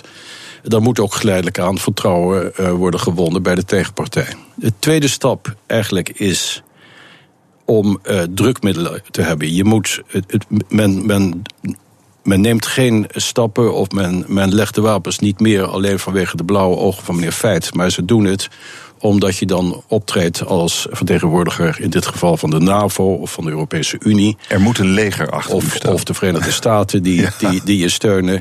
Dan, dan wordt het wat makkelijker. Uh, het derde is dat je ook een zekere visie moet hebben. En altijd de partijen een stapje voor zijn. Uh, niet leidzaam afwachten tot, tot zij iets gaan ondernemen. Maar je moet ze altijd iets kunnen bieden. Uh, aan, uh, uh, in een proces uh, met, met tijdsbepalingen, zodat ze weten waar, in welke richting ze worden geleid. Ja. En dat moet jij allemaal organiseren. Ja, het, het, precies. En dan, maar dan zit u in zo'n, in zo'n situatie die elk, elk uur fluctueert, denk ik. Dus ja. als u zegt, ja, je, je, moet, je moet wel weten wie gaat waarheen, wie doet wat. Je moet heel goed het overzicht hebben ja. over wat er op dat moment gebeurt. Om effectief te kunnen zijn en om in leven te blijven, zeg ik er dan maar even bij. Precies. Nee, je moet, je moet, uh, je moet uh, creatief zijn, je moet uh, je kunnen aanpassen, je moet een, een plan B achter de hand hebben. Als het niet lukt, dat, wat doen we dan? Uh, maar uh, het belangrijkste is dat je het momentum moet behouden. En dat de zaak niet uh, stil komt te liggen. Want hmm. dan begint men zich weer af te vragen: waar zijn we mee bezig en waarom gaan we niet door met de oorlogshandelingen? Ja, dus, Oké, okay, dus op het moment dat er een keuze mogelijk is, dan moet u met een alternatieve keuze komen. Ja, dat, dat, dat, is, de timing is dan zeer belangrijk. De timing is heel belangrijk. Uh, en en je, je, je actieve betrokkenheid. Je kan op geen moment kun je achteroverleunen. Je moet, je moet echt proberen om door te pakken. Ja, maar u, je komt wel smeerlappen tegen. Denk ik. Ja, en dat is een, dat is een dilemma. De Verenigde Naties hebben richtlijnen opgesteld hoe je in zulke gevallen moet, uh, moet optreden. Maar dat zijn natuurlijk uh, vaak zijn dat oorlogsmisdadigers. Ja. Dus, het ja, Milosevic bijvoorbeeld heeft u, u, u, u, u kwam in gesprek met Milosevic, toch? Ja, nou ja, ik was, ik was niet, niet voortdurend aan het woord. Ik, was, ik, was, ik begeleide een Amerikaanse generaal. Maar het is waar dat aan, aan het eind van uh, een, een vrij langdurige en, en uh, copieuze maaltijd, want Milosevic hield van lekker eten en drinken, hij ook nog iets wilde weten over de export van Nederlandse tuinbouw, tuinbouwproducten. dus dat heb ik um, een beetje uitgelegd, maar dat had niets te maken met, met, de, met waarvoor we kwamen. Maar je hebt met oorlogsmisdadigers te maken en afspraken bijvoorbeeld over amnestie daar moet je voorzichtig mee zijn dat je, uh, dat je niet uh, mensen die gezocht worden door zeg maar, het internationaal strafhof uh, wegens oorlogsmisdaden, dat je die belooft een, een vrijgeleide of vrijstelling van, van rechtsvervolging. dus daar moet, je, daar moet je terughoudend in zijn. Maar vaak zijn uh, deze, u noemt het smeerlappen, maar ze zijn dan vaak ook wel, uh, hebben ze ook wel hun positieve kant. Ze, ze, ze zien dan vaak in dat ze een kans kunnen maken om uh, in de politiek verder te komen. Beginnen mm, mm. een ander jasje aan te trekken en een nieuwe gedaante aan te nemen. En het leven gaat verder. Ja. U, u bent er vrij afstandelijk in. U, u heeft geen oordeel. Het is, het is voor de bemiddelaar uh, moet je je, je morele en, en ethische uh, gevoelens soms een beetje inslikken. Maar het is waar uh, dat, zoals we nu in de Balkan zien, dat we mensen aan de macht zien, zien komen of aan de, op, op hun stoel blijven zitten zien zitten, die, die wel wat op hun kerststok hebben. En de toekomst van de Balkan hangt natuurlijk in hoge mate samen met een, een nieuwe generatie leiders die, uh, die eigenlijk vrij zijn van, van uh, ervaringen uh, uit het verleden. We zien, we zien nu, kijk, nou nog even, want de wereld van de diplomatie, dat zijn toch, dat, dat is toch het bedrijfsleven, regeringsgebouw, het zijn contacten, informele contacten. Het is allemaal leuk, mooi pak aan, allemaal goed. het is niet met een helm en een, ik weet niet of u een, militair pak droeg ook, maar met een helm door de modder naar boeven lopen. Dat zijn toch. Wat, ik, ik vind toch fascinerend. Die, die, er, zitten, er zijn twee soorten diplomaten blijkbaar. En je moet dit, wat u heeft gedaan, moet je wel heel graag willen. Nou, ik denk dat er uh, van de huidige generatie uh, diplomaten er een toenemend aantal zijn die uh, modder, in de modder hebben gestaan. En die in landen als Irak, Syrië, mm Libië hebben gesproken met, met powerbrokers, zoals we dat noemen, leiders daar. Ehm, en dat de minister een, een, steeds groter accent legt op, op bemiddeling, op preventie. preventie is het voorkomen van conflicten voordat ze helemaal uit de hand lopen en, en grote aantallen slachtoffers gaan eisen.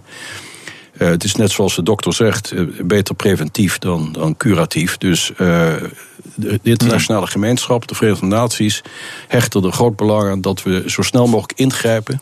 Early warning en ook early action. En dat de internationale gemeenschap conflicten in zo snel mogelijk kunnen, kunnen helpen oplossen voordat het, voordat het te, gek wordt. En, en daarvoor zijn er mannen en vrouwen nodig die in uw voetsporen willen treden.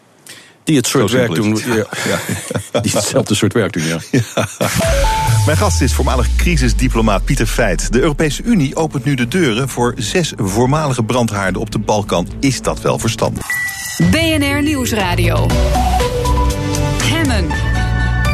De week van de diplomatie. De Big Five is Pieter Feit mijn gast. Hij heeft een lange carrière als crisisdiplomaat achter de rug. Bijvoorbeeld op de Balkan, die ook deze week weer in het nieuws is. Want lange tijd hield de Europese Unie de poort gesloten voor nieuwe lidstaten. Maar nu gaat de deur langzaam open voor zes landen van de Balkan: Servië, Montenegro, Albanië, Macedonië, Bosnië-Herzegovina en Kosovo. Meneer Feit, dat zijn landen die u heel goed kent. Uh, vanuit de tijd dat het er heel slecht ging, is het verstandig om nu de deur van de Europese Unie op een kier te zetten voor deze landen? Ja, ik geloof dat eh, dit een belangrijke uh, beleidswijziging is. En het is, denk ik, goed nieuws voor de, de burgers van de, van de Balkan, de bevolking. Het geeft ze hoop. Maar als je het beleidsdocument van de commissie leest, wat hierover gaat, dan uh, betekent het wel dat de, de politieke elite in de Balkan uh, zich uh, echt moet inspannen om er iets van te kunnen maken. Het is nu vijf voor twaalf. Het is een keus die ze geboden wordt. Het hoeft niet. Ze hoeven niet toe te treden of lid te worden van de Europese Unie. Maar als ze dat willen, dan moet er op verschillende punten moet er, hm. radicaal en zonder mitsen en maren moet er veel veranderen. Ik spreek met name over hervormingen op het gebied van uh, de rechtsstaat, ja, corruptie, georganiseerde misdaad. En het bijleggen van onderlinge uh, bilaterale geschillen, zoals tussen Kosovo en, uh, en Servië. Um, dus, nou ja, en denkt u dat dat, dat, dat kan? Dat, dat ze dat willen? Ja, daar, daar heb ik uh, wel twijfels over. Uh, mm. ik, ik vind het, ik vind het uh, de, de, aanpak van de commissie vind ik, vind ik moedig en, en helder. dus de keuze is nu echt aan die politieke leiders. Ik vraag me soms af of je niet beter realistisch moet wachten totdat een nieuwe generatie leiders is opgestaan. Dus we zullen zien, er is een, uh, er is een, een, een uh, tijdspunt ook ingebouwd uh, voor, de twee, uh, voor twee landen, dus Servië en Montenegro. Die kunnen per 2025 mogelijk lid worden van de Europese Unie. Maar of ze dat halen is niet, niet zeker. De anderen zullen waarschijnlijk er langer over moeten doen. Het is op basis van verdiensten. Dus als landen nog beter doen, dan kunnen ze eerder dan 2025 misschien aanspraak maken op lidmaatschap. En als Servië en Montenegro uh, uh, niet snel genoeg hervormen, dan uh, raken ze achterop. Er is ook een ander punt wat ik ook zou willen noemen, wat niet onbelangrijk is, en dat staat ook in het beleidsdocument. En dat is dat de commissie zich realiseert dat met eventuele uitbreiding de Europese Unie straks niet 27 lidstaten heeft, maar misschien potentieel iets van, van 33. En dat betekent dat de besluitvorming steeds moeilijker wordt. En daarom wordt nu al uh, aangekondigd dat er voorstellen zullen komen om niet met unanimiteit besluiten te nemen, maar met gewogen meerderheid, met gekwalificeerde meerderheid. Dat is iets waar ik, van ik weet en denk dat de Nederlandse regering daar nogal bedenkingen over heeft. Uh, andere lidstaten zullen zich ook afvragen of dat uh, nu al moet en of dat überhaupt een, een, goede, een, een goede ontwikkeling is. Maar dat is, dat is heel belangrijk. Dat is wel een ding. Waarom, is, waarom zou dat een bezwaar kunnen zijn? Nou ja, je wordt dan overstemd. Het, het gaat, het gaat, het gaat uh, om besluitvorming op het gebied van buitenlandse politiek, maar ook met betrekking tot de interne markt. En dat zou kunnen betekenen dat Nederland uh, in de minderheid komt en uh, tegen de wens van, van de regering en het parlement besluiten moet aanvaarden waar ze, niet, waar ze dus niet achter staan. Ah, dus dit wordt, hiermee wordt echt een, een, een enorm groot ding opgeworpen ja. in, in, in de hele discussie rond de Europese Unie. Ja. En het is geen positief ding. Nou ja, ik, dat, dat, daar, moet, daar moeten we nog eens rustig over nadenken. Want uh, het is, aan de ene kant is het misschien ook een, een onvermijdelijke ontwikkeling naar, naar toenemende uh, integratie om uh, bijvoorbeeld op het gebied van de interne markt en de eurozone nog meer naar elkaar toe te groeien. Maar als wij blijven hechten aan, aan, aan meer het intergouvernementele karakter van de Unie, dan, dan, dan zullen er bedenkingen zijn. Ik, ik zit me ook wel eigenlijk wel eens af te vragen, die uitbreiding naar het oosten. Wanneer houdt Europa op eigenlijk? Is, zijn die Europese landen, wat we nu zien in, in uh, Hongarije, ook al in Polen, hoe uh, anders de Polen aankijken tegen bijvoorbeeld een rechtssysteem, tegen ja. media. Uh, als je naar Hongarije kijkt, is het nog weer wat extremer. Uh, de landen waar we het nu over hebben, die zes mogelijke nieuwe toetreders, ja, daar, daarvan heeft u ook net gezegd, er zijn grote bedenkingen tegen. Moeten we die erbij hebben? Is dat goed voor Europa? Nou ja, als je naar de kaart kijkt, als je naar de kaart kijkt, dan zie je dat die landen omgeven, omringd worden door, door landen die al lidstaat zijn van de Europese Unie. Dus het is natuurlijk een beetje een anomalie ja, dat ze er nog niet bij horen. Uh, verder is het zo dat uh, de Europese Unie de laatste jaren eigenlijk een beetje te weinig aandacht aan de Balkan heeft uh, besteed, te weinig druk op de ketel heeft gehouden voor hervormingen. En dat heeft een opening geboden aan landen als Rusland en Turkije en ook aan China om zijn invloed uit te breiden in de Balkan. En dat wil Brussel nu eigenlijk tegengaan. De beste manier om dat te doen is om dat perspectief te herstellen en ze duidelijk te verankeren aan het, uh, het integratieproces. Ja. u noemt uh, die drie landen. Uh, er is ook angst, en volgens mij was het de Oostenrijkse minister van Defensie die daar niet lang geleden voor waarschuwde. Voor een sluipende islamisering hadden ze het over in Oostenrijk op de Balkan. En dan ging het, dan, dan schijnt het te gaan over landen als Bosnië, Albanië, Kosovo ook, waar de Turken nieuwe wegen aanleggen, moskeeën bouwen, onderwijs financieren, dat soort dingen. Ehm, is dat iets waar u uh, van op uw hoede raakt? Want u denkt van hier is echt iets, iets sluipends aan de hand? Ja, ik vind als je rondreist in de Balkan, dan zal het opvallen hoeveel uh, moskeeën ieder jaar erbij gebouwd worden. Dat komt niet alleen uit Turkije, maar dat komt ook uit Saudi-Arabië. Het Wahhabisme uh, breidt zich uit. Dat is niet de, uh, de meest vreedzame vorm van de islam, hè, het Wahhabisme. Het is, het, is, het is geen oorlogszuchtige vorm, maar het geeft wel aanleiding tot radicalisering. En als we dat zien gebeuren, dan zijn we natuurlijk extra op onze hoede. Uh, op dit moment, maar de, onze inlichtingendiensten die, die volgen dat op, de, op, de, op de minuut. is er niet onmiddellijk aanleiding om te denken aan, aan, aan de uitvoer of de export van geradicaliseerde jongeren uit de Balkan naar, naar onze landen toe.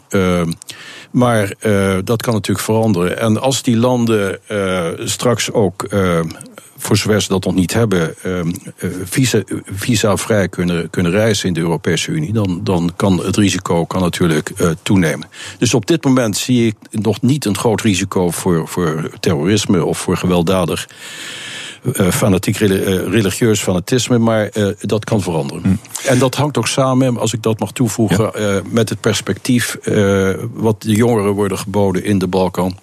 Op het gebied van werkgelegenheid en, en opleiding en dergelijke. En het is dus van groot belang dat. Uh, bijvoorbeeld de hoge werkloosheidscijfers in landen als uh, Kosovo, uh, Macedonië. En we praten over 30, 40 procent van de jongeren die geen werk hebben dat dat verandert. Uh, want dat houdt de, de jongeren van de straat af en geeft ze een perspectief waar, waar een vreedzaam perspectief, waar, waar natuurlijk veel, uh, wat natuurlijk veel, veel beter voor, voor het land is en voor de samenleving. Ja, en, en grof gezegd, uh, zodat ze zich niet hier komen opblazen. Zo is het. Eigenlijk wel. Ja, ja. Ja. Dus eigenlijk is het heel belangrijk om ook die zes landen die niet optimaal zijn, die misschien niet helemaal Europees zijn, toch zoveel mogelijk aan onze borst te drukken. Omdat het onze veiligheid waarborgt en de invloed van bijvoorbeeld die landen die u noemde, Turk, Turkije, Rusland. China, een beetje buiten de deur houdt. Dat, dat, dat is de grote diplomatie. Als u kijkt naar de wereld van, eh, van, van dit moment, maar dan de grote wereld. Trump, eh, Kim Jong-un. Eh, als je het over crisisdiplomatie hebt, dan vermoed ik dat daar nu wel het een en ander plaatsvindt. Wat ziet u met uw getrainde oog? Nou ja, ik zie eh, gebrek aan Amerikaans leiderschap natuurlijk. Eh, terwijl aan de andere kant de, de bedreigingen toenemen. Eh, wat, we, wat we nu meemaken is niet alleen dat het klimaat verandert, maar dat we ook bedreigd worden door verspreiding van, van massavernietigingswapens. dat de corruptie en, en, gewapende, en, en georganiseerde misdaad om ons, ons, zich om ons heen zich verspreidt. Eigenlijk mag ik het zo samenvatten dat je uh, in veel landen ziet dat door slecht leiderschap, slecht corrupt, uh, verkeerd leiderschap, uh, staten fragiel worden en uit elkaar dreigen te vallen. Heeft u het ook over de Verenigde Staten nu? Nee, ik, dat is. Nou ja en nee. ik, als je kijkt naar hoe bepaalde staten van de Verenigde Staten zich nu opstellen tegen Trump, zoals Californië en, hmm. uh, en, en, en uh, Washington en, en uh, misschien ook de staten in het Noordoosten die weigeren om bepaalde beleidsdaden van de administratie Trump uit te voeren. Bijvoorbeeld op het gebied van, van energie, oliewinning en gaswinning omdat ze dat in strijd achten met hun milieudoelstellingen, dan zie je toch dat de, de staten in de Verenigde Staten steeds meer autonoom uh, uh, lijken te worden. En dat de polarisatie dus toeneemt. Ik zie dat niet als een gevaar onmiddellijk voor het uiteenvallen van de Verenigde Staten. Of dat er een nieuwe burgeroorlog dreigt. Maar uh, in andere landen die minder sterk in hun, schoenen, in hun schoenen staan voor wat betreft democratie. En waar het systeem van checks en balances minder goed functioneert. zie je dat slecht leiderschap leidt tot uh, in het ergste geval tot een, een neiging tot afscheiding. En daar kijk, kijk naar Catalonië, ja. uh, kijk zelfs naar Schotland, uh, kijk naar Koerdistan. En die pogingen om, om zich af te scheiden, die, die slagen niet altijd, maar soms, soms wel. Kosovo heeft het voor elkaar gekregen na tientallen jaren onderdrukking onder, onder Milosevic.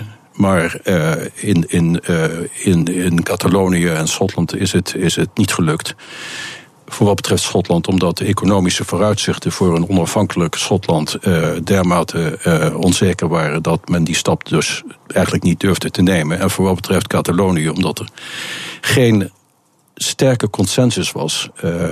Praten over 80, 90 procent van de bevolking die we the people een eigen staat wilde hebben. Uh, de, de, de, opinie in, in, in Catalonië is te zeer verdeeld tussen voor- en tegenstanders. En daarom is het, het onafhankelijkheidsstreven ook niet doorgegaan. Althans voorlopig niet. Dus leiderschap is, is naar mijn mening uh, heel belangrijk. en als je ziet hoe landen als in Afrika, Zimbabwe, zelfs Zuid-Afrika, door hun leiders uh, lange tijd uh, zijn gegijzeld. Uh, en, en, niet, niet, hebben kunnen profiteren van hun, hun, hun, onmetelijke rijkdommen en de kansen die ze hebben, dan is het, ja, is het treurig om dat te zien. En het is daarom zo belangrijk dat we blijven aandringen op democratische staatsvorm. De, democratieën, en dat is heeft een studie uitgewezen. Democratieën zijn ook beter in staat, beter geëigend om conflicten op te lossen, interne conflicten, dan uh, dictaturen. De wereld door de ogen van een crisisdiplomaat. Dank u wel voor dit gesprek. Pieter Feit, dank u zeer. BNR Nieuwsradio. Hemmen. Hemmen. Marleen Bart stapt op als senator voor de Partij van de Arbeid... door al dat gedoe rond haar persoon en dat van haar man. Ik bespreek het in... De kantine. Met vandaag Ria Katz, politiek verslaggever bij het Financiële Dagblad... en Thijs Wolters, buitenlandredacteur bij de Telegraaf. Goedemiddag, mooi dat jullie er zijn. Goedemiddag. Goedemiddag. Uh, Ria, Marleen Bart, uh, jij kent haar natuurlijk. Zij uh, bevindt zich ook onder de kaasstolp waar jij uh, je ja. werkplek hebt. Is het nodig dat zij opstapt? Was het zo erg dat dit de enige keuze is? Nou ja, ze heeft haar positie natuurlijk wel uh, zeer uh, penibel gemaakt op deze manier. Um, namelijk, ze zegt steeds van ja, ik heb, ik heb niet begrepen hoe, hoe, hoe erg dit kan worden opgevat. Ik betreur de ophef, maar um, laten we reëel blijven. De agenda van de Eerste Kamer is al maanden bekend. Ze wist dat op die dag, namelijk afgelopen dinsdag, oorspronkelijk de stemming stond van echt het belangrijkste wetvoorstel ja. wat er überhaupt deze periode door de Senaat wordt besproken. Ja. Namelijk die donorwet van Pia Dijkstra van D66. En wat doet zij? Zij boekt een schitterende vakantie naar de Malediven. Precies. Nou ja, dat is gewoon heel ongelukkig. En als ze nou geen enkele andere mogelijkheid had om op vakantie te gaan, maar het, uh, de Eerste Kamer heeft 17 weken reces. dus ze had heel makkelijk een andere week kunnen kiezen. Ja, uh, en, en, en ze wist dat die stemming er was. Tenminste, als ze op haar lijstje had gekeken. Nou, dat neem ik aan dat ze dat even gedaan heeft. Dus ja, het is een enorme inschattingsfout. En haar fractie is bovendien verdeeld. Haar fractie is verdeeld. En dan ga je als fractievoorzitter, want dat is ze ook, naar de Malediven. Ja, kijk, het is wel zo dat het een vrije kwestie is. Uh, dat zijn medisch-ethische kwesties altijd in de kamers, allebei. Um, dat gaat over uh, ja, leven en dood, over medische ethiek, et cetera. Mm. Dus mogen. Uh, um, uh, fractieleden zonder last of ruggespraak, zonder fractiediscipline, naar eigen eer en geweten stemmen. Op die manier heeft het wetsvoorstel het ook in de Tweede oh ja, Kamer oh ja. gehaald. VVD'ers, de VVD okay. als zich was tegen, maar een paar VVD'ers, waaronder Fred Teven, hebben gezegd: ja, maar wij zijn hier hartstikke voor. Dus wij stemmen naar eigen eer en geweten met het uh, ja. voorstel in. Had ook in de Eerste Kamer gekund. Dus zij had als fractievoorzitter in principe niet uh, iets op kunnen leggen of, of de fractie tot iets kunnen dwingen. Maar haar stem, elke stem telt op dit ja. moment, dus ook die van haar. Of ze nou voor of tegen is. Neem je werk serieus. Ja, neem je werk serieus. En, er was er nog wat anders, Thijs. Ik, ik wil nog één ding even vragen erover. Want ze voerden in de verklaring als verzachtende omstandigheden op... dat ze zo'n verschrikkelijk rotjaar achter de rug had... en dat ze er even uit moest. Wat, wat is er precies gebeurd? Wat was het rotjaar bedoel je? Ja, weten we ja, daar toestand in Wassenaar misschien met haar man, uh, nou ja, Jan Hoekema. Precies, dat, daar, daar dat dacht ik kunnen. meteen aan van... goh, wat vervelend voor je dat je dat daar zou gedoe kunnen, over maar, hebt gehad. Uh, kijk, uh, er zijn nogmaals 17 weken reces. Uh, ze had er met de kerst uitgekund, ze had er volgende week is er reces uitgekund het is ook een kwestie van planning. Hey, maar wat is nou het belangrijkste? Want, want uh, uh, die toestand met Jan Hoekema, dat is haar man. Die was burgemeester van Wassenaar. Er was veel gedoe in Wassenaar. Uiteindelijk is hij daar weggegaan om, nou ja, het, het, het ging niet meer. Ik geloof niet helemaal zijn schuld, maar in elk geval moest hij weg.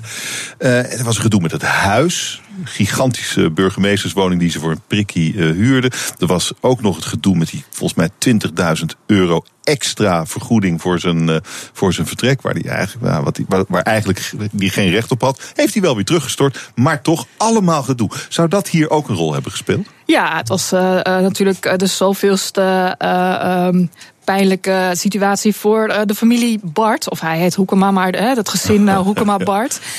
dat was natuurlijk al niet sterk. Zij heeft tenslotte die brief gestuurd aan de gemeente van... mogen we alsjeblieft in de ambtswoning blijven wonen tegen een lagere vergoeding. Ja. Dat heeft hij niet gedaan, dat heeft zij gedaan. Ja. Dat is natuurlijk ook voor een, een sociaaldemocraat ook al gek dat je er op gemeenschapsgeld goedkoper wil wonen in een op zich prima huis. Dus ja. Mm, mm, mm. Overigens is Hoekema van D66, die had daar misschien ook kunnen vertellen: zou je wel weggaan uh, nu uh, onze belangrijke donorwet in jullie Kamer wordt besproken? Oké, okay, nou, zij is, zij is nou weg. Uh, ga, is het een groot gemis, denk je? Nou, ik denk het niet. Ik uh, denk dat ze. ja, sorry. Nee, ze was al um, fractievoorzitter geworden. Uh, eigenlijk een beetje zo van: nou ja, laat haar het maar doen, want we zien ook niet echt een andere optie. Uh, bij gebrek aan beter zou je het heel cynisch kunnen zeggen. Ze had nou al niet een goede indruk gemaakt in de vorige periode. Toen bijvoorbeeld het andere medische, ethische kwestie sneuvelde. Uh, de vrije artsenkeuze stond het later bekend. Hè. Je, mag, uh, je wordt door de zorgverzekeraar mm. naar een bepaalde zorgverlener gestuurd of, of niet. Die kwestie toen. Um, werd pas op het allerlaatste moment duidelijk dat er in de Eerste Kamer discussie was over dit wetsvoorstel. Dat hoorde de partijtop van de PvdA op het allerlaatste moment, kon toen eigenlijk nauwelijks meer wat doen ja, dat was ook al, werd dat gezien als nou niet bepaald een uh, kwaliteit van management van uh, heb ik jou daar. Nou ja, goed, zij is weg. Uh, laten we er uh, over iets anders gaan praten. Ja. Uh, bijvoorbeeld een verhaal dat, uh, nou ja, dat, dat me eigenlijk al een tijdje fascineert. En ook wel een beetje raakt eigenlijk. Het, is het verhaal van Marco Kroon, oud commando, onderscheiden. Hoogste militaire onderscheiding die wij hebben, heeft hij.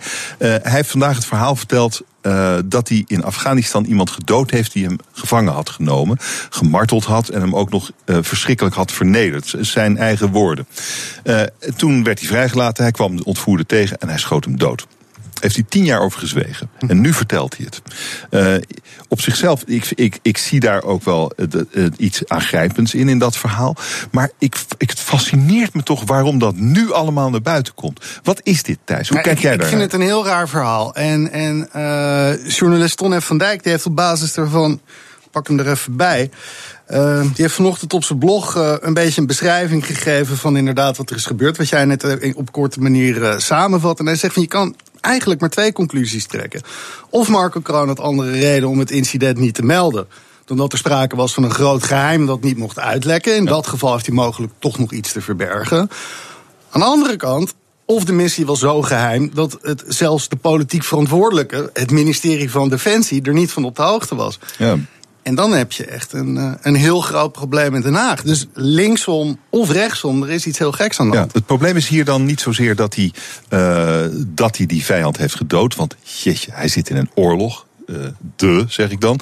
Hij heeft zijn magazijn erop leeggeschoten. Dus dan zou je kunnen zeggen, er is ook sprake van emotie bijgekomen. En dat wil je natuurlijk niet bij militairen. Dat, nou, dat vertelt hij ook. Ja dat hij eigenlijk de macht over zichzelf een beetje verloor. Zag dat de andere man zijn wapen wilde pakken en toen schoot hij hem dood. Ja. Nou ja, daarvan kan je nog dat is allemaal nog wel in die te toestand de, te verklaren ja. in Afghanistan in die tijd. Uh, maar dat hij er dan vervolgens niet over praat. Het wordt in, dat, in zijn verklaring nou ja, AD wordt dus het ook, niet helder. Even een stapje terug. Ja. Dat hij dus nadat hij ontvoerd is, op eigen gelegenheid blijkbaar, want zo vertelt hij het, op zoek gaat naar zijn ontvoerder. Zonder daar Mm anderen in te. Ja, kent dan een internationale organisatie erin. Maar eh, zoals hij het verhaal vertelt, heb ik niet het idee dat dat is teruggekoppeld naar ons ministerie van Nee. Defensie. Dus dan vraag ik me af, wie zijn dat dan geweest? Is dat... Maar waarom zou het terug moeten koppelen? Die man is daar commando, hij is officier, hij heeft daar een eenheid, hij heeft een hele uh, geheime missie. En hij ziet dat die missie. Ja, maar zo geheim dat komt. het ministerie van Defensie daar niet bij betrokken is? Nou, ik weet niet of. of Ik, ik neem toch aan dat En onze commando's het in. Afghanistan actief waren in opdracht van ons ministerie van Defensie. Ja, maar die gaan natuurlijk niet elke dag het ministerie eh, bellen of de minister. Of Ik snap dat je inderdaad niet elke poep en scheet gaat terugkoppelen. Maar als jij ontvoerd bent, lijkt me dat je dat meldt. Als jij vervolgens zelf achter je ontvoerder aan wil gaan, lijkt me dat je dat meldt. Ja. Want je, je, je hebt het hier niet over, over hele kleine dingetjes. dat hij is gestruikeld en zijn tenen heeft verstuikt eh, tijdens een missie. Het is nogal wat wat er is gebeurd. Dus er is hier iets geks aan de hand. En ik, ik, ik snap dat Kroon zijn verhaal nu vertelt. Want het, het, het is natuurlijk ook ontzettend moeilijk dat je je amper kan verdedigen. Dus kiest hij er nu voor om dan blijkbaar toch iets wat zo geheim was dat zelfs het ministerie van Defensie er niet van af wist. Uh, om dat tien jaar voor zich te houden. En om dat nu dan opeens weer in de openbaarheid te gooien. Dat is toch gek? Nou, er zijn, als je, dat, als je die verklaring leest, zijn er zomaar tien vragen te stellen. Uh, tien essentiële vragen te stellen. Maar ja, weet je, ik denk, ik hoor ook de, de, de, de kritiek wel. Maar ik denk, die man is gewoon een held. Uh, mijn neiging is om die man te geloven. Um, dus stel je voor dat hij alles goed gedaan heeft, Ria. Ja. Dat, dat, dat, even, neem voor, mijn ja. standpunt dan even. Ja? Uh, dat hij alles goed gedaan heeft. Wat, wat had, waarom heeft hij dan tien jaar mee gewacht? Uh, nou ja, dat is natuurlijk uh, het sterke juist aan zijn verhaal. Hij heeft het uiteindelijk zelf gezegd. Als, er, als hij echt ervan overtuigd is dat hij echt fout zit, had hij natuurlijk ook gewoon heel makkelijk zijn mond kunnen houden. Want het is al tien jaar niet uitgelekt. Dus dan waarom zou het de komende tien jaar dan wel uitlekken? Mm -hmm. Als hij het blijkbaar allemaal toch eens helemaal in zijn eentje heeft gedaan. Um, dus um, ja, uh, ik, ik denk inderdaad dat dat onderzocht moet worden. Ik denk ook dat die, uh, want die hele verklaring, dat, dat duidt op uh, bijna traumatische ervaringen die hij heeft meegemaakt. Hè? Zware mishandelingen, vernederingen, weet ik veel wat. Um, ja, dat we misschien niet meteen als journalistiek, als politiek, et cetera, geneigd moet zijn die man aan de schandpaal te nagelen. Maar misschien nee, even uh, te beseffen: goh, hij heeft het nodige meegemaakt. Laten we hem, laten we het OM alles goed onderzoeken. Maar laten we ook zeker kijken wat we voor hem eerst ook kunnen doen. Wat ik, uh, hebben jullie van Middelkoop gehoord uh, deze ochtend? Ja. Uh, hij, hij zei, moet onderzocht worden allemaal. Maar het venijn zat wat mij betreft in de staart. Hij zei, misschien heeft die man wel professionele hulp nodig toen dacht ik, hoe kan je dat nou zeggen? Nou, Dan iemand afdoen als gek. Nou, dat weet ik niet of je dat zegt. Hè? Op professionele hulp zoeken is wat anders dan uh, gek, uh, iemand gek verklaren. Ik denk dat je hmm. altijd militairen die terugkomen van zo'n dienst even moet begeleiden. Want jeetje, het, ze maken mee, dingen mee die wij absoluut nog nooit hebben gezien. Precies, en ik hoop zo is, is, is, is, heel reëel. Hmm. En, en ja. inderdaad, om dat gek te noemen, oh. vind ik ook te ver gaan. Dan, dus ik, ik vatte de woorden van, middel, van Van Middelkoop verkeerd op eigenlijk. Nou ja, um, het, is, het is wel iemand die met een, ex, met, met, een, met een explosief verhaal naar buiten komt en dan zeggen, ja, misschien heeft hij professionele hulp nodig. Dan maak je, dan zet je hem wel in een hoek. Ik vind dat je helemaal gelijk hebt. Eigenlijk gekke opmerking van Middelkoop is. Ik denk dat hij dan beter tegen zijn ambtenaren kan zeggen: van jongens, moeten we niet eens. Uh, zorgen dat deze jongen inderdaad, als hij PTSS heeft, hmm. als er dingen zijn gebeurd in Afghanistan waar hij nu nog steeds uh, last van heeft, ja, zorg dan dat er hulp komt voor zo'n jongen. En ga dat inderdaad niet roepen in een verklaring die je aan de pers geeft. Hoe, hoe, hoe gaat dit aflopen? Gaan wij weten op, op enig moment wat hier nou precies gebeurd is? En in welk kader? Wat was er dan nou, voor operatie? Dat denk ik en wat niet. Ja, misschien over, over op termijn. Want het, het schijnt een missie te zijn van de MIVD, dus de Militaire Inlichting en Veiligheidsdienst. Ja. Daar moet dus, uh, moeten de fractievoorzitters van de Tweede Kamer in elk geval in die jaren op de hoogte van zijn geweest. Want de MIVD doet in de commissie stiekem uh, samen met de IVD, de Algemene Inlichtingendienst, uh, verslag van wat zij doen in grote lijnen. Maar die mogen daar natuurlijk niet over praten, want ja, het is staatsgeheim en ze kunnen mensen in gevaar brengen.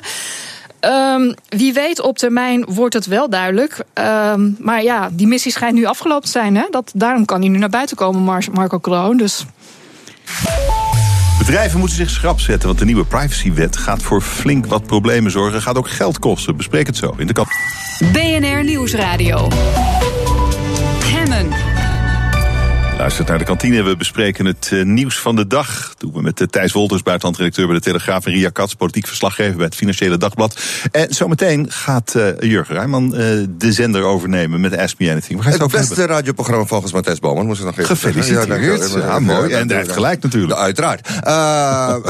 we gaan het vandaag hebben over het debat dat zometeen gaat plaatsvinden in de Tweede Kamer... over het afschaffen van de majesteitsgennis. Oh ja. En ja, daar gaan we heel veel over praten. Vandaag ik praat met Gerard Alders onder andere historicus en schrijver. Hij schreef het boek Weg met de Koning over twee eeuwen majesteitsgennis. En de vraag is van, uh, die, die, mij, die ik vooral ook wil weten van, waarom nu plotseling dat het zo urgent is geworden om dat af te schaffen? Wat, wat dienen we ermee? Wat is het nut ervan? Ik bedoel, uh, hoe vaak wordt de koning echt beledigd? En dat het de issue is dat er mensen daarvoor uh, de hmm. dood worden veroordeeld of gestraft worden. Nou, de dood voor de ho, ho, ho. Dat bedoel ik, nee, maar daarom zie je, dat bedoel, zo erg is het echt niet. Dus, dat bedoel ik, zo erg is het niet. Dus waarom, waarom plotseling nu wel? En ja, weet je, zijn er die belangrijke dingen om ons bezig te houden? D66, de referendumpartij. Uh, uh. Waarom niet een referendum uh, en vragen aan het volk wat ze hiervan vinden? Want ik neem aan dat 70 tot 80 procent van de Nederlandse bevolking nog heel erg koningsgezind is en geen probleem heeft met het uh, huis. Dus ja. ja. Ik, ik weet niet, Ria, is hier een logica in uh, dat het nu komt? Ja, het heeft ook te maken met Erdogan. Uh, die is beledigd in Duitsland. Mhm. En uh, Erdogan vroeg om uitlevering van deze cabaret, Duitse cabaretier die dat heeft gedaan. Ik ben even zijn naam kwijt. Ja, ik weet nog wie je uit Oh, ja. ging. Precies. En uh, op grond daarvan, want het gaat niet alleen om de majesteit, maar ook om buitenlandse staatshoofden die je niet mag beledigen. En Nederland wil dus voorkomen dat ook een Erdogan of een Poetin of andere uh, despoten vragen om uitleveringen van Nederlandse cabaretiers, journalisten, Ja. et cetera. Oh, het gaat, eigenlijk helemaal niet om de koning. Het gaat om de koning, dat ik zeg nooit meer iets over Boutersen. In geval, uh, het is duidelijk, dus, uh, maar, maar dat is een van de redenen. In elk geval, laten we, dan, laten we dan zeggen waar het om gaat ook in principe. Dus we gaan het er vandaag over hebben en ik weet dat er genoeg vragen hierover zijn. Uh, ik bedoel, de laatste keer voor mij dat iemand voor majesteitsschennis werd veroordeeld, het is de, het vaccinelichtje gooiertje volgens mij, of de man die op de Dam voor de ordeverstoring zorgde tijdens de dodenherdenking. Maar dat was ook weer niet eens echt majesteitsschennis, dus het is... We gaan het allemaal bekijken. Er is, uh, Leuk, interessant onderwerp. en je weet hoe dit gebeurt. Je kan je vragen stellen via Twitter, BNR, via Facebook. Je mag me mailen, Je kan ook whatsappen, het nummer vind je op bnr.nl. Of bel 020 468 en stel je vraag live in de uitzending. Ik moet nog één ding erbij zeggen. Ik ben heel erg koningsgezind. Maar uh, ik vind bijvoorbeeld uh, Willy in uh, De Wereld Draait Door... Ja, dat, dat, dat, dat, moet niet onder die wet vallen. dat, dat mag echt niet onder die wet vallen. Want voor mij vindt zelfs een koning dat lukt. Jurgen, dankjewel. Veel plezier zometeen. Uh, goed, wij gaan over iets anders praten. In, uh, in mei, volgens mij 25 mei, komt er een nieuwe uh, gegevensbescherming wordt dan van kracht. Ehm, het zou wel eens kunnen zijn uh, dat bedrijven daardoor in problemen komen. Want wat regelt die wet? Die wet regelt dat wij veel meer zeggenschap krijgen over onze gegevens. Toch? Zeg ik het goed zo, Ria? Ja, hè? Ja. Uh, en dat zou wel eens kunnen zijn dat wij dat ook dat recht gaan uitoefenen. En dat betekent dat bedrijven dus heel veel verzoeken zouden kunnen krijgen van burgers die willen weten wat doet u met mijn gegevens en uh, mag ik daar wat over vinden, over zeggen. Interessant onderwerp. Onderzoek van KPMG. Ja, en ik hoorde bij jullie op de zender dat het met name bedrijven zijn die zich hier niet op hebben voorbereid die in de problemen komen. Ja. Dus dan denk ik, ja, oké, okay, vervelend voor jullie, maar... Maar zou jij, zou jij dat gaan doen, bijvoorbeeld Thijs? Zou jij willen weten van een bedrijf, wat weet u over mij... en wilt u daar uh, mij vertellen wat u daar van plan mee Ik heb bent te één keer doen? iets vergelijkbaars gedaan... en dat was gewoon uh, puur uit nieuwsgierigheid. En niet dat ik ook maar enige aanleiding had om te denken dat dat zo was. Ik heb ooit eens bij de AIVD opgevraagd of ze bij mij een dossier hadden. En? Dat mochten ze niet zeggen. Toen dacht jij, Meestal is dat Raak. een ja. ik, zou ook niet, ik weet trouwens wel waarom, maar dat mag ik dan hier weer niet vertellen, geloof ik. En het, is Pardon? heel, het is helemaal niet spannend. wat is het dan? Um, Nou, als je het niet mag vertellen, zou ik het niet doen. Want voor je het weet zit je voor... Uh, Toe alsjeblieft, man. Je hebt ons nu wel echt nieuwsgierig dit was gemaakt. wel een teaser van je welste, ja.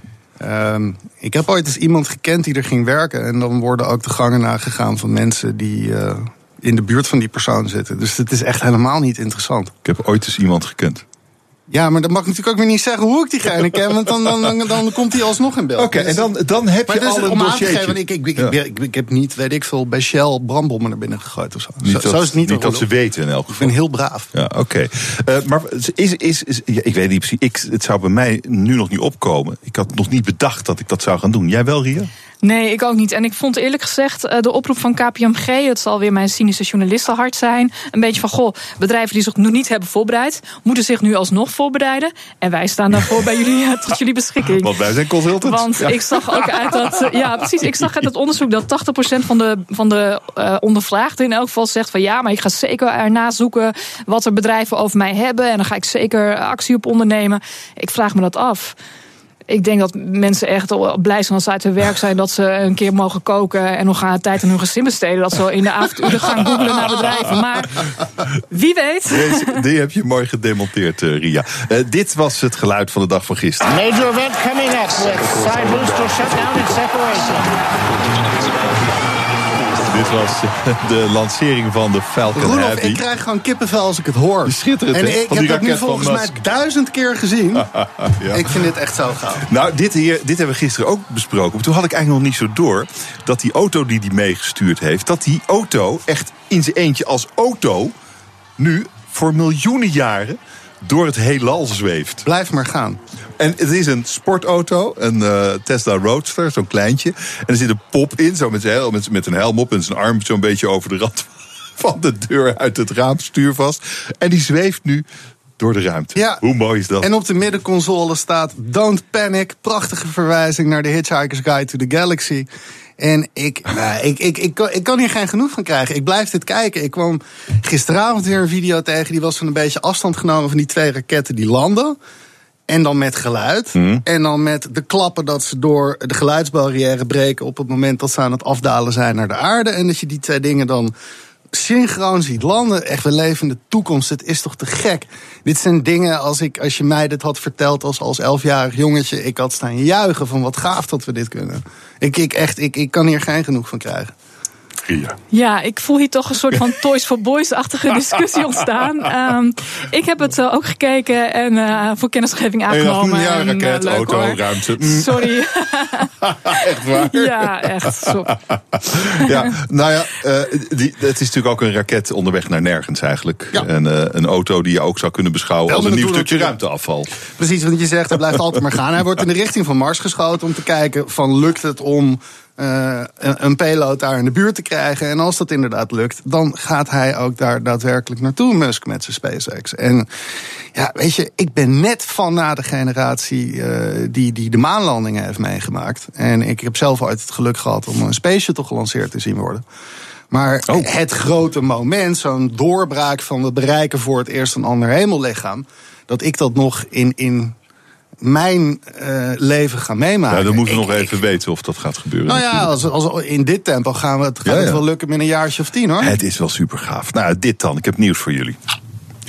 Want de zomertijd blijft voorlopig bestaan. Ondanks de talloze bezwaren die je er tegen zou kunnen bedenken. En ondanks de discussie in het Europarlement. eh, Want die hebben zojuist dus besloten om eh, die zomertijd niet af te schaffen. Eh, zijn we voor of zijn we tegen hier? Ria, zomertijd, ja of nee?